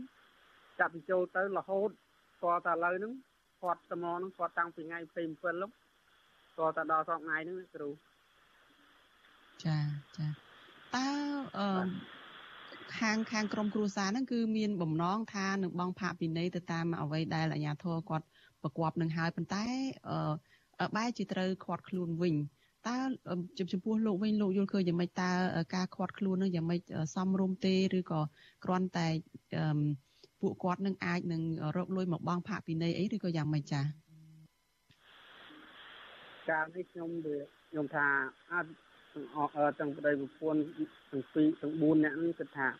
បងទៅព្រោះអីរឿងសំណឹងហ្នឹងបំបងបើយើងគាត់ថាយើងខុសហើយបងឲ្យគាត់ទៅអ្នកគ្រូបាទចាចាហើយឥឡូវនេះបានដឹងសុខទុក្ខចាបានដឹងសុខទុក្ខប្រពន្ធនឹងយ៉ាងម៉េចទៅហើយចង់ឲ្យមានការដោះលែងអីយ៉ាងម៉េចខ្លះចាខ្ញុំខ្ញុំទៅថ្ងៃមិញដឹងសុខទុក្ខដែរគ្រូបាន ខ្ញុំសរសេរសបុតទៅសួរសុខទុក្ខគាត់ដែរគាត់សរសេរមករកខ្ញុំវិញដែរគ្រូគាត់ប្រាប់ថាគាត់នៅនោះអត់អីទេសុខសប្បាយដែរអសុខសប្បាយអត់អីទេគាត់ថានៅកន្លែងនោះចេះជួយគ្នាទៅវិញទៅមកអ្នកនៅកន្លែងនោះគ្រូចា៎បាទប៉ុន្តែទោះបីគាត់ថាអត់អីក៏ដោយគ្រូក៏ខ្ញុំនឹងនៅតែបារម្ភដែរគ្រូអីប្រពន្ធខ្ញុំដូចអត់ទៅជាដែរណាគ្រូចា៎បាទគាត់គឺដូចថាពោះវៀនក្រុមពោះវៀនរហូតដែរហ្នឹងជំងឺពោះវៀនហ្នឹងគឺមិនទៅយធាត់ទេស្គមចាចាអញ្ចឹងអឺបើសិនជាគេតម្រូវឲ្យមានការបងផាកពិន័យហ្នឹងគឺគ្រូសាររបស់លោកហ្នឹងសុខចិត្តបងពិន័យធ្វើម៉េចឲ្យបានតែប្រពន្ធមកនៅក្រៅឃុំវិញអញ្ចឹងណោះឥឡូវឥឡូវពេលអញ្ចឹងអ្នកគ្រូខ្ញុំក៏មិនទាន់ថាប្រកែកថាមិនបងទេប៉ុន្តែធ្វើម៉េចឲ្យអឺ ខាងអឺពន្ធនាគារហ្នឹងលែងពន្ធខ្ញុំមកវិញមកខ្ញុំក៏ព្រមបងដែរឲ្យទៅលែងចាហើយចុះរឿងរ៉ាវចំនួនដីធ្លីនឹងយ៉ាងម៉េចទៅមកដល់ពេលនឹងខកខានការទៀមទាអញ្ចឹងទៅតើសង្ឃឹមថាអាចនឹងមានដំណោះស្រាយល្អសម្រាប់អ្នកដែលកំពុងតែទៀមទាដំណោះស្រាយសមរម្យនឹងដែរទេចាតាមខ្ញុំមើលទៅ មិនងាយទេណាគ្រូតម្លៃដូចអត់ដែលមានថាប្រុងឲ្យយើងឡើងផងហ្នឹងគឺប៉ុណ្្នឹងត្មងតម្លៃគាត់ដាក់ឲ្យគឺតែប៉ុណ្្នឹងត្មង9 900រៀលនៅក្នុង1ម៉ែត្របាទបាទ100រៀលក្នុង1ម៉ែត្រការ៉េគិតជាដុល្លារវាពីកាក់4សេនណាគ្រូចាហើយគ្រួសាររបស់លោកកសលហ្នឹងប៉ះពាល់កម្រិតណាទៅអស់ដីតែម្ដងឬក៏នៅមានដីសម្រាប់បង្កបង្កើនផលទៅថ្ងៃមុខទៀតដែរ ខ្ញុំដី70អាងម៉ែម៉ែឪចែកឲ្យដែរក្នុងហិចអស់ទៅគ្រូវានៅនៅតិចតួចទេនៅទីនេះនៅដីតិចតួចវាអស់អានុងហើយអស់លេងហ្នឹងនៅនៅតិចចាហើយការទៀមទីឲ្យបានសំណងសំរុំនេះសង្ឃឹមថាអាចនឹងទៅទិញដីវិញបានឬក៏យ៉ាងម៉េចបានជាប្រឹងប្រែងទៀមទីនឹងចាបាទប្រឹងប្រែងថា ក្រែងអញ្ញាធរនឹងគាត់អាចឲ្យយើងដូចថាមកសំរុំណាគ្រូពេលហើយមើលទៅបែបសំណងគាត់មិនឲ្យយើងទេបានថាអញ្ចឹងដូចដូចគាត់ឲ្យយើងគាត់មិនអញ្ចឹងទេចាអត់មែនចាប់យើងទៅចឹងទេបើមិនជាចិត្តគាត់ថាឲ្យអាណិតយើងនោះប៉ុន្តែបើមើលទៅបើគាត់ដូចអាណិតអត់អាណិតជាពលរដ្ឋផងហ្នឹង ចុះសំណងដែលគាត់ផ្ដល់ឲ្យហ្នឹងមើលទៅអាចទៅទិញដីទិញអីបានធ្វើស្រែបន្តទៀតទេឬក៏យកប្រាក់នឹងទៅត្រូវតែបោះបង់មុខរបរធ្វើស្រែនឹងទៅធ្វើអីផ្សេងទៀតយកបើសិនជាប៉ុណ្្នឹងគ្រួទិញទិញដីអដែងស្រុកសម័យឥឡូវដី 20A 30A នេះស្រាប់3 4 5000ដែរយ៉ាងហោចណាគ្រូគឺទិញមិនបានវិញគ្រូចា អញ្ចឹងទំនងថាมันអាចបន្តមុខរបរកសិករធ្វើស្រែនឹងតទៀតទេឬក៏ធ្វើអីផ្សេងវិញទេមើលទៅបានក៏ធ្វើអ្នកគ្រូប៉ុន្តែគាត់ថាយើងវាអស់វាអានុងហើយយើងវាពិបាកប៉ុន្តែមិនដឹងធ្វើម៉េចយើងមិនដឹងរកស៊ីអីទេព្រោះយើងជាអ្នកកសិករអ្នកគ្រូចាពិបាកជន់លើពិបាកឥឡូវនេះប្រពន្ធជាប់ពន្ធនាគារទៅទៀតហើយ អ្វីដែលចង់បាននៅពេលនេះនេះគឺផ្អឹបទុករឿងដីធ្លីនឹងសិនចង់ឲ្យត្រឹមតែគេដោះលែងប្រពន្ធឲ្យមានសេរីភាពវិញសិនមកជួបជុំគ្រួសារវិញសិនមកមិនចឹងណោះចាបើតាមនេះទៅគ្រូខ្ញុំចង់ឲ្យលែងប្រពន្ធខ្ញុំមុនសិនមិនដោះលែងប្រពន្ធខ្ញុំហើយយុទ្ធភ័ណ្ឌនឹងដោះលែងអ្នកទាំងពីរទៅកុំឲ្យនៅជាប់ភូមិទៀតឲ្យមិនផ្ទះនៅរកស៊ីជាមួយគ្នាទៀតទៅ ចាអរគុណច្រើនលោកមុំកសលចាដែលបានផ្ដល់ការសម្ភាសឲ្យវិទ្យុអាស៊ីសេរីនៅយុគនេះចាជូនពរលោកសុខភាពល្អហើយសង្ឃឹមថាអ្វីដែលលោកទៀមទានឹងបានដោយការដែលលោកចង់បានចាជំរាបលាលោកត្រឹមប៉ុណ្ណេះចាសូមសុខភាពល្អចាជំរាបលាគ្រូ ចាលោកនាងជាទីមេត្រីសេចក្តីរាយការណ៍ដាច់ដោយឡែកមួយទៀតចាពលករខ្មែរនៅឯប្រទេសម៉ាឡេស៊ីចំនួន9នាក់បានវិលមកកម្ពុជាវិញដោយមានការសម្របសម្រួលពីស្ថានទូតខ្មែរនៅក្នុងប្រទេសនេះប៉ុន្តែពលករជាច្រើននៅតែត្អូញត្អែថាពីរឿងគ្មានបង់ថ្លៃសម្រាប់ថ្លៃរថការទៅឲ្យមន្ត្រីស្ថានទូតដើម្បីសម្រួលដំណើរវិលមកកម្ពុជាវិញ ចាក់កាសែតភ្នំពេញប៉ុស្តិ៍បានស្រង់ប្រសាសន៍របស់អ្នកនាំពាក្យក្រសួងការបរទេសគឺលោកកុយគួងកាលពីថ្ងៃទី29ខែសីហាថា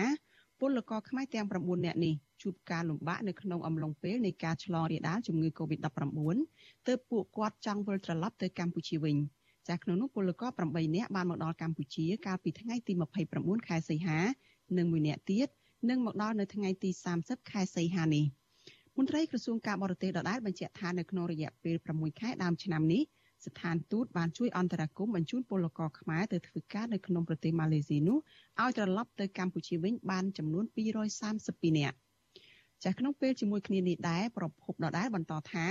ភាគីកម្ពុជាបានជួយសង្គ្រោះស្ត្រីខ្មែរ12នាក់ដែលជាជនរងគ្រោះដោយសារតែការជួញដូរមនុស្សនៅប្រទេសចិនចាលោកកុយគួងថាស្ថានទូតខ្មែរនៅក្នុងប្រទេសនៅក្នុងក្រុងឆុងឈីង នៃប្រទេសចិននោះបានសហការជាមួយអាជ្ញាធរចិនដើម្បីបញ្ជូនស្ត្រីទាំងនោះមកកម្ពុជាវិញនៅដើមខែកញ្ញាខាងមុខបើទោះបីជាអាញាធរខ្មែរអះអាងថាបានជួយអន្តរាគមន៍ដើម្បីសម្រួលឲ្យពលករខ្មែរនៅក្នុងប្រទេសម៉ាឡេស៊ីបានវិលមកកម្ពុជាខ្លះវិញក៏ដោយក៏ពលករពលករមួយចំនួននៅក្នុងពេលថ្មីថ្មីនេះ បានត្អូញត្អែពីការដែលមិនមានការយកចិត្តទុកដាក់ពីមន្ត្រីស្ថានទូតខ្មែរប្រចាំនៅក្នុងប្រទេសម៉ាឡេស៊ីនិងថាមានការកេងប្រវ័ញ្ចផលប្រយោជន៍របស់ពួកគាត់នៅក្នុងស្ថានភាពដ៏លំបាកនេះចាពលករទាំងនោះអះអាងថាពួកគេត្រូវបង្ខំចិត្តខ្ចីបុលគេដើម្បីបានប្រាក់បង់ឲ្យមន្ត្រីស្ថានទូតជួយសម្រួលដំណើរវិលទៅកម្ពុជាវិញ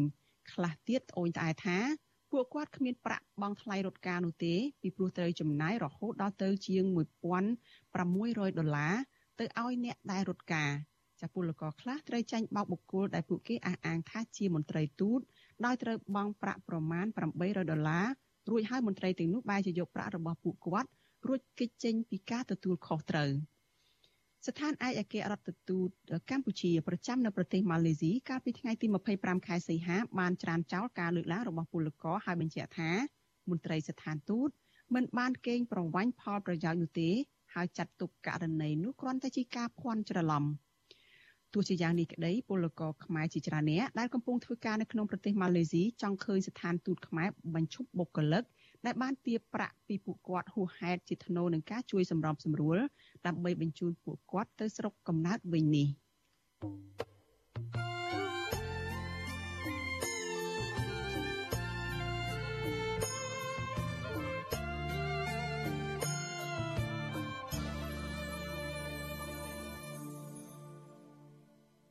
ចាលោកនាងកញ្ញាជាទីមេត្រីចារឿងរ៉ាវតាក់ទងនឹងខ្មែរកម្ពុជាក្រោមវិញម្ដងចាប់ពលរដ្ឋខ្មែរក្រោមដែលរស់នៅស្ទើរតែទូទាំង21ខេត្តនៅលើទឹកដីកំណើតកំពុងដង្ហើយហៅឲ្យសពរសជនផ្ដល់ជំនួយដល់ពួកគេ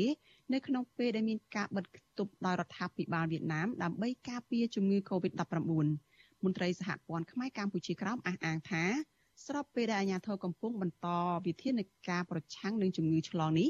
មន្ត្រីវៀតណាមខ្លះក៏បានឆ្លៀតពេលធ្វើទុកបុកម្នេញនិងកេងប្រវ័ញ្ចខ្មែរក្រោមបន្ថែមទៀតចាពីរដ្ឋធានី Washington លោកយុនសាមៀនរាយការណ៍ពិស្ដារអំពីរឿងនេះខ្មែរកម្ពុជាក្រោមដែលត្រូវបានអាជ្ញាធរវៀតណាមបង្ខំឲ្យធ្វើចតាឡេសាកំពុងខ្វះស្បៀងអាហារបរិភោគនិងថវិកាដើម្បីដោះស្រាយបញ្ហាជីវភាពប្រចាំថ្ងៃ ពួកគេខ្លះថាអាញាធរវៀតណាមបានបង្ខំឲ្យពួកគេទិញសម្ភារៈចាំបាច់ដែលមានតម្លៃថ្លៃជាង3ដងនៃតម្លៃធម្មតាក្នុងពេលនៃការបិទគប់យុវជនខ្មែរក្រោមលោកតៅហ្វាងជើងរស់នៅខេត្តព្រះត្រពាំងប្រាប់វិទ្យុអស៊ីសេរីកាលពីថ្ងៃទី28សីហាថាលោកត្រូវបានអាជ្ញាធរវៀតណាមចាប់ឲ្យធ្វើចតាឡេសាហើយកំពុងជួបប្រទះបញ្ហាជីវភាពដោយសារតែលោកមិនអាចទៅប្រកបមុខរបរលក់ដូរបន្តិចបន្តួចបាន នឹងត្រូវអាជ្ញាធរមិនអោយចេញទៅប្រមូលផលស្រូវទុំដែលនឹងត្រូវខូចខាតទាំងស្រុងលោកតៅហ្វាងជើងឲ្យដឹងទៀតថាអាជ្ញាធរវៀតណាមបានផ្ដល់ម្ហូបអាហារនិងអង្ករខ្លះដែរប៉ុន្តែមិនគ្រប់គ្រាន់សម្រាប់គ្រួសាររបស់លោកឡើយក្នុងពេលដែលខេត្តលោករស់នៅកំពុងមានការរាតត្បាតខ្លាំងលោកសំណូមពរឲ្យអាជ្ញាធរវៀតណាមជួយពលរដ្ឋទូទៅដោយគ្មានការរើសអើង។ ឲ្យរដ្ឋាភិបាលនឹងជួយគិតគូររឿងសេដ្ឋកិច្ចរបស់ខ្មែរក្រមែណាដែលទូធ្វើចាត់តែលៀនសោះហ្នឹងពីថាទៅទៅចូលចាស់ចូលសម្បែងកន្លង20ថ្ងៃជាងទៅចូលគូចូលជ្រូកនិងចូលប្រូជីវិតចឹងប្រូដល់ជ្រូកធ្វើប៉ុន្តែរដ្ឋាភិបាលនឹងគេមិនអើពើគេមិនអើពើពីរឿងជួយជ្រូកប្រូកម្មករខ្មែរយ៉ាងនេះហ្នឹងគឺថាมันមានថាបងមិនជួយខ្មែរគឺថាពេលហ្នឹងគឺថាខាត់ផលប្រយោជន៍នឹងផលប្រូយ៉ាងគឺថាខ្មែរក្រយើងខាត់ច្រើន ស្រដៀងគ្នានេះដែរយុវជនខ្មែរក្រោមលោកថាច់កើងបច្ចុប្បន្នកំពុងស្នាក់នៅក្រុងព្រៃនគរបានបាត់បង់ការងារធ្វើចាប់តាំងពីខែឧសភាមកម្លេះហើយលោកមិនបានធ្វើដំណើរទៅស្រុកកំណើតបានទៀតយុវជនរូបនេះបន្តថាកន្លែងលោកស្នាក់នៅមិនមានសប្បុរសជនផ្ដល់ជំនួយដល់ទីកន្លែងទេគឺមានតែសប្បុរសជនខ្លះផ្ញើលុយតាមធនាគារឲ្យសម្រាប់ទិញអង្ករចែកគ្នា លោកថាបច្ចុប្បន្នអាញាធរវៀតណាម បានលក់សម្ភារៈចាំបាច់មួយចំនួនឲ្យខ្មែរក្រោមដែរប៉ុន្តែទំនិញទាំងនោះថ្លៃជាងទីផ្សារបាទហ្នឹងហើយវាលំថ្លៃ3 4ដុល្លារគាត់តែយើងចង់ទិញយើងទូរស័ព្ទទៅឲ្យគេគេយកមកដាក់ខាងមុខមកទ្វារយើងអញ្ចឹងណាហើយលុយហ្នឹងយើងវេតាមកាកបែនទៅឲ្យគេហើយតម្លៃហ្នឹងវាថ្លៃដល់3ដងទៅ4ដងដល់តម្លៃអានឹងកន្លែងគួរណាបើនិយាយរួមទៅខាងខ្មែរក្រមយើងទាំងអស់គឺមាននៅកន្លែងបិណ្ឌយងកន្លែងអឺបិណ្ឌខណ្ឌ កន្លែងនោះគឺ144គ្រួសារគឺខ្មែរយើងទាំងអស់នៅកែតខ្លាំងហើយកែតក្មួនតកែតបតាប្រាំងដាច់ស្បៀងអាហារ2ខែហើយនឹងគ្មានចំនួនឧបត្ថម្ភចូលបញ្ហាជីវភាពនិងម្ហូបអាហារដែលពលរដ្ឋខ្មែរកម្ពុជាក្រោមកំពុងជួបប្រទះនេះកើតឡើងស្របពេលដែលប្រទេសវៀតណាមកំពុងរងគ្រោះខ្លាំងដោយសារតែជំងឺ Covid-19 នៅវៀតណាមយ៉ាងហោចណាស់ក៏មានអ្នកជំងឺ Covid-19 ជាង4សែនករណីនិងអ្នកស្លាប់មានជាង10000នាក់ដោយឡែកខ្មែរក្រោមរាប់ពាន់នាក់ក៏បានឆ្លងជំងឺ Covid-19 ហើយខ្មែរក្រោម20នាក់បានស្លាប់និងព្រះសង្ឃមួយអង្គបានសុគតខ្មែរក្រោមស្លាប់ច្រើនជាងគេគឺនៅទីក្រុងព្រៃនគរប្រធាននាយកដ្ឋានព័ត៌មានសហព័ន្ធខ្មែរកម្ពុជាក្រោមព្រះភិក្ខុសើងយើងរតនាមានថរដីកាថាអាញាធរវៀតណាមមិនសូវបានយកចិត្តទុកដាក់នឹងពលរដ្ឋខ្មែរក្រោមដែលប្រឈមនឹងជំងឺ Covid-19 នោះទេ ហើយថែមទាំងឆ្លៀតកេងចំណេញពីខ្មែរក្រោមទៀតក៏អាត្មាភាពសំណុំពរដល់រដ្ឋាភិបាលវៀតណាមនឹងត្រូវតែយកចិត្តទុកដាក់មើលការខុសត្រូវចំពោះបរតខ្មែរក្រមដែលមានជំងឺ Covid-19 ក្តីដែលជួបការលំបាកនៅក្នុងជីវភាពគ្រួសារក្តីគឺរដ្ឋាភិបាលវៀតណាមនឹងគឺមិនត្រូវរើសអើងពូជសាសន៍ ខ្មែរក្រមទេបើត្រូវតែផ្ដល់ភាពស្មើគ្នានៅលើទឹកដីកម្ពុជាក្រមរវាងជនជាតិដើមខ្មែរក្រមនិងជនជាតិយួនបើកន្លងមកតាមការសង្កេតហ្នឹងគឺនៅពេលដែលបរតខ្មែរក្រមស្លាប់ដោយសារជំងឺ Covid-19 ហ្នឹងគឺរដ្ឋាភិបាលវៀតណាមហ្នឹងបានយកសពទៅបូជា ហើយនៅពេលដែលយកធាតទៅឲ្យបរតខ្មែរក្រមគ្រួសារខ្មែរក្រមដែលស្លាប់ហ្នឹងហើយទៀមទាលុយពីខ្មែរក្រមផងដូច្នេះហើយជាអង្គើ អយុធធនណាប្រថាបរតខ្មែរក្រមគ្មានការងារធ្វើផងហើយជួបលំបាកជីវភាពគ្រួសារផងហើយទៀមទាលុយទៀនផងនេះហើយរដ្ឋាភិបាលវៀតណាមព្រះភិក្ខុសើងយើងរតនាក៏បានស្នើឲ្យសប្បុរសជនទាំងឡាយជួយដល់ខ្មែរកម្ពុជាក្រោមដែលកំពុងខ្វះខាតជីវភាពដោយសារតែអាញាធរវៀតណាមកំពុងរាំងខ្ទប់ទីកន្លែងដែលពួកគេកំពុងរស់នៅបងប្អូនជនរួមជាតិទាំងអស់នៅជុំវិញពិភពលោកនឹងគឺជួយផ្ដល់ ជាអាហារស្បៀងដល់បរតខ្មែរក្រមដែលកំពុងតែជួបលំបាកនៅតាមបណ្ដាខេត្តក្រុងនៅលើទឹកដីកម្ពុជាក្រមនោះផងបព្រោះថាស្ថានភាពនៅលើទឹកដីកម្ពុជាក្រមសពថ្ងៃហ្នឹងគឺជំងឺរាតត្បាត COVID-19 ហ្នឹងគឺមានការតឹងតែងយ៉ាងខ្លាំងហើយបរតខ្មែរក្រមនៅលើទឹកដីកម្ពុជាក្រមហ្នឹងគឺមានការជួបលំបាកដូច្នេះហើយអាត្មាភាពសូមអំពាវនាវដល់ បងប្អូនជនរួមជាតិទាំងអស់ដែលនៅក្រៅប្រទេសនឹងអាចមានលទ្ធភាពជួយផ្ដល់ឧបត្ថម្ភជាអំណោយទៅដល់បរតខ្មែរក្រមនៅតាមបណ្ដាខេត្តឬក៏ទីក្រុងមួយចំនួនដែលតាមលទ្ធភាពអ្វីដែលយើងអាចធ្វើបាន គឺយើងជួយបងប្អូនយើងនៅក្នុងគ្រាអាសន្ននៅក្នុងឱកាសនេះផងដែរបងបច្ចុប្បន្នខ្មែរក្រោមរាប់លាននាក់កំពុងរស់នៅក្នុងខេត្ត21ក្រោមការគ្រប់គ្រងរបស់អាជ្ញាធរនៃរដ្ឋាភិបាលវៀតណាម ក្រោយបារាំងបានកាត់ទឹកដីខ្មែរក្រោមទាំងខុសច្បាប់ឲ្យវៀតណាម កាលពី72ឆ្នាំមុនខ្ញុំបាទយុនសាមៀនវិទ្យុអាស៊ីសេរីប្រធានាធិបតី Washington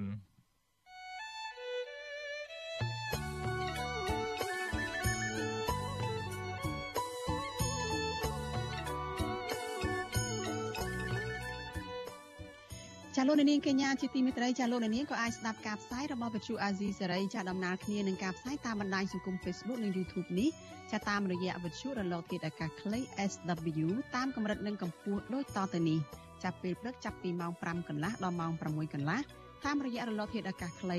9940 kHz ស្មើនឹងកម្ពស់ 30m ពេលយប់ចាប់ពីម៉ោង7កន្លះដល់ម៉ោង8កន្លះ តាមរយៈរលកធាតុអាកាសខ្លី9960 kHz ស្មើនឹងកម្ពស់ 30m និង11240 kHz ស្មើនឹងកម្ពស់ 25m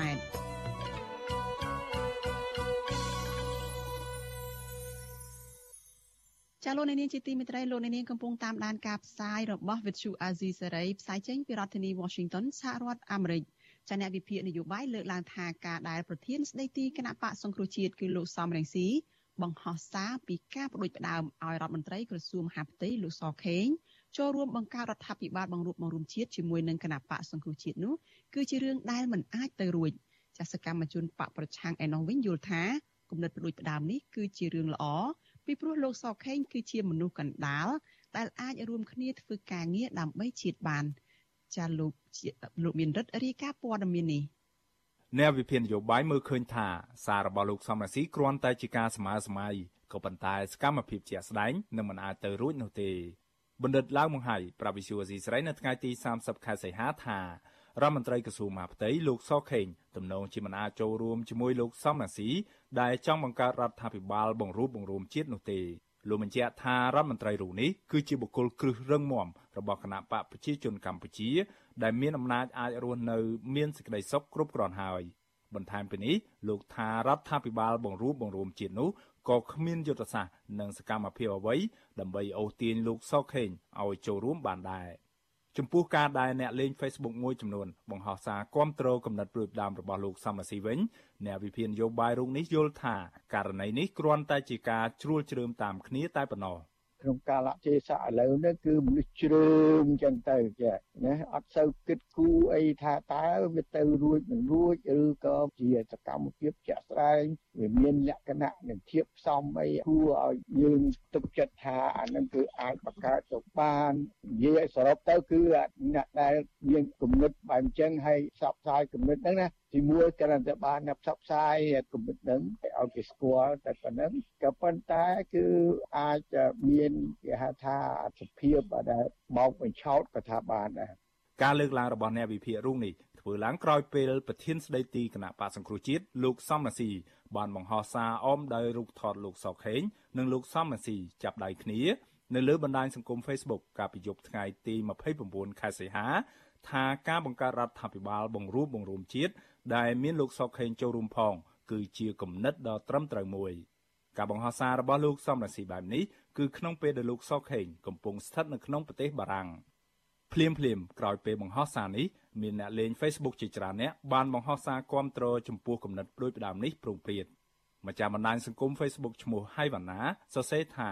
យើងទាំងអស់គ្នាស្វាគមន៍វត្តមានរបស់លោកសខេងចូលរួមបង្កើតរដ្ឋាភិបាលបង្រួមបង្រួមជាតិ ដើម្បីរំដោះប្រទេសចេញពីគ្រួសារលោកហ៊ុនសែនវិសុវអាស៊ីស្រីមិនអាចតាក់ទងแนะនាំពាក្យក្រសួងមហាផ្ទៃលោកខៀវសុភ័ក្រនិងប្រធានអង្គភិបแนะនាំពាក្យរដ្ឋាភិបាលលោកផៃសិផានបាននៅឡើយទេនៅថ្ងៃទី30ខែសីហាប៉ុន្តែលោកខៀវសុភ័ក្របានប្រាប់កាសែតក្នុងស្រុកថាអាញាធរកម្ពុជាកំពុងស្រាវជ្រាវតាមចាប់អ្នកដែលបង្ហោះសារថាលោកសខេងទៅពិភាក្សាជាមួយលោកសំរងស៊ីដើម្បីបង្កើតរដ្ឋាភិបាលបណ្ដោះអាសន្ននៅប្រទេសបារាំង ប្រពន្ធដដែលបញ្ជាក់ថាទង្វើបែបនេះគឺជាការបង្កចលាចលទោះយ៉ាងណាចំពោះការប្រកាសជារឿយៗរបស់លោកសំរងស៊ីថាលោកសខេងចង់រួមដៃគ្នាជាមួយលោកនោះលោកសខេងនៅតែរក្សាភាពស្ងៀមស្ងាត់ដែលមិនដែលចេញមុខផ្ទាល់ខ្លួនបដិសេធនោះទេរហូតមកទល់ពេលនេះក៏ប៉ុន្តែលើកនេះកូនប្រុសបង្ការរបស់លោកសខេងនិងជារដ្ឋលេខាធិការក្រសួងអប់រំលោកសសុខាបានចេញមុខបដិសេធជំនួសឪពុករបស់លោកថា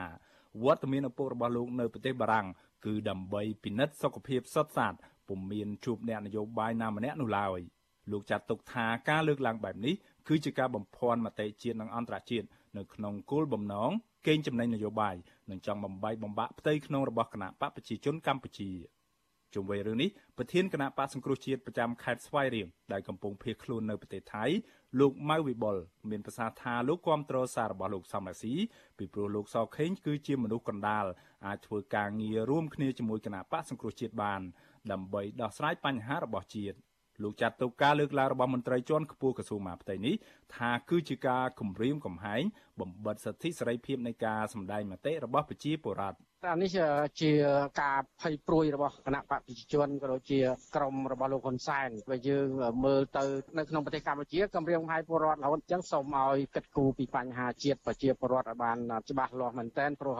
រឿងចាប់ចងប្រជាពលរដ្ឋវាច្រើនឆ្នាំមកហើយតែគ្រាន់តែគ្នាហោះសារនិយាយរឿងពិតក៏ជាប់គុកដែរហើយគ្រាន់តែគ្នាប្រហោះសារនឹងចង់បានឲ្យគណៈបកសង្គ្រោះជាតិដំណើរការឡើងវិញពិសេសថ្នាក់ដឹកនាំគណៈបកសង្គ្រោះជាតិជាមួយនឹង